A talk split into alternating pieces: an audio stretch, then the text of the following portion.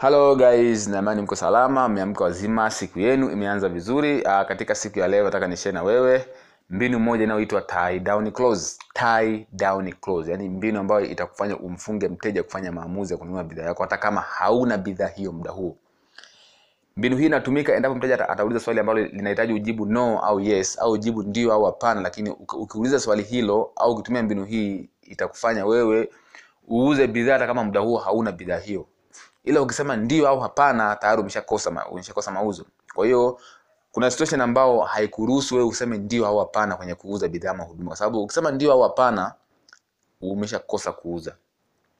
Kwa hiyo situation hiyo nitakwambia ni situation gani ambayo huruhusi kujibu ndio au hapana endapo mteja atauliza swali hilo.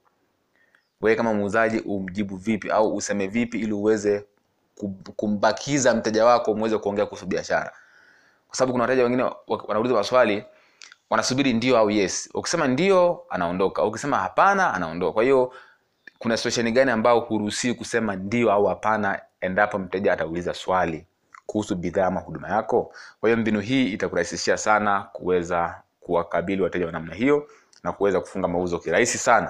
You see? Ah, katika siku ya leo nataka nishare na wewe mbinu hii iko hivi. Endapo mteja atauliza labda una bidhaa ya rangi hii tu au una bidhaa ya aina hii tu, kama unajua kabisa hiyo bidhaa hauna, then una bidhaa aina moja tu, ukisema ndio nao hii tu, then akasema basi mi nilikuwa na, nataka bidhaa aina fulani, then anaondoka. You see? Kwa hiyo mteja akiuliza una bidhaa ya rangi hii tu au una bidhaa ya aina hii tu au una huduma ya aina hii tu, usiseme ndio au hapana.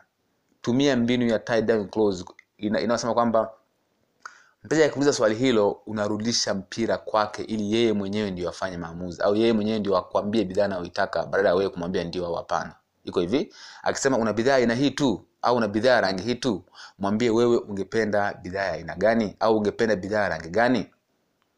You see? Yeye atakwambia basi mimi nilikuwa nataka ya blue lakini una nyekundu. Mwambie ni kweli mimi nina nyekundu lakini kuna uwezekano wa kuipata hiyo nyekundu ndani ya siku chache. Na kama utakuwa tayari kununua nitakuletea ndani ya siku kadhaa you see kwa hiyo tayari umeshamfunga. Kama atanunua muda huo which means atanunua siku inayofuata.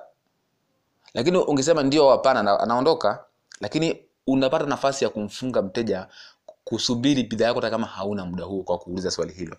Narudia tena endapo mteja atauliza kuna bidhaa aina hii tu au una bidhaa rangi hii tu? Usijibu ndio au hapana mwambie ungependa bidhaa aina gani? Au wewe ulikuwa, ulikuwa unahitaji bidhaa aina gani? Atakwambia ni bidhaa fulani. Yaani badala ya kujibu ndio au hapana unarudisha mpira kwa mteja yeye ndio akwambie anahitaji bidhaa aina gani.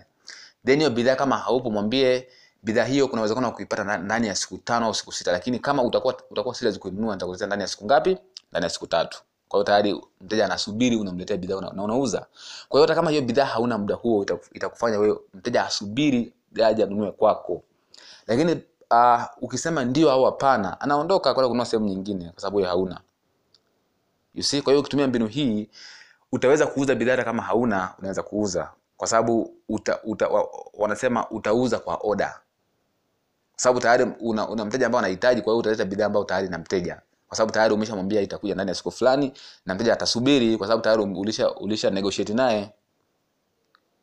Kwa hiyo mbinu hii is very effective inafanya kazi sana endapo utaitumia. Kwa hiyo na, nakazia tena mteja akiuliza swali juu ya bidhaa ama huduma yako kwamba una bidhaa ya aina hii tu au una bidhaa ya rangi hii tu au unatoa huduma za aina hii tu.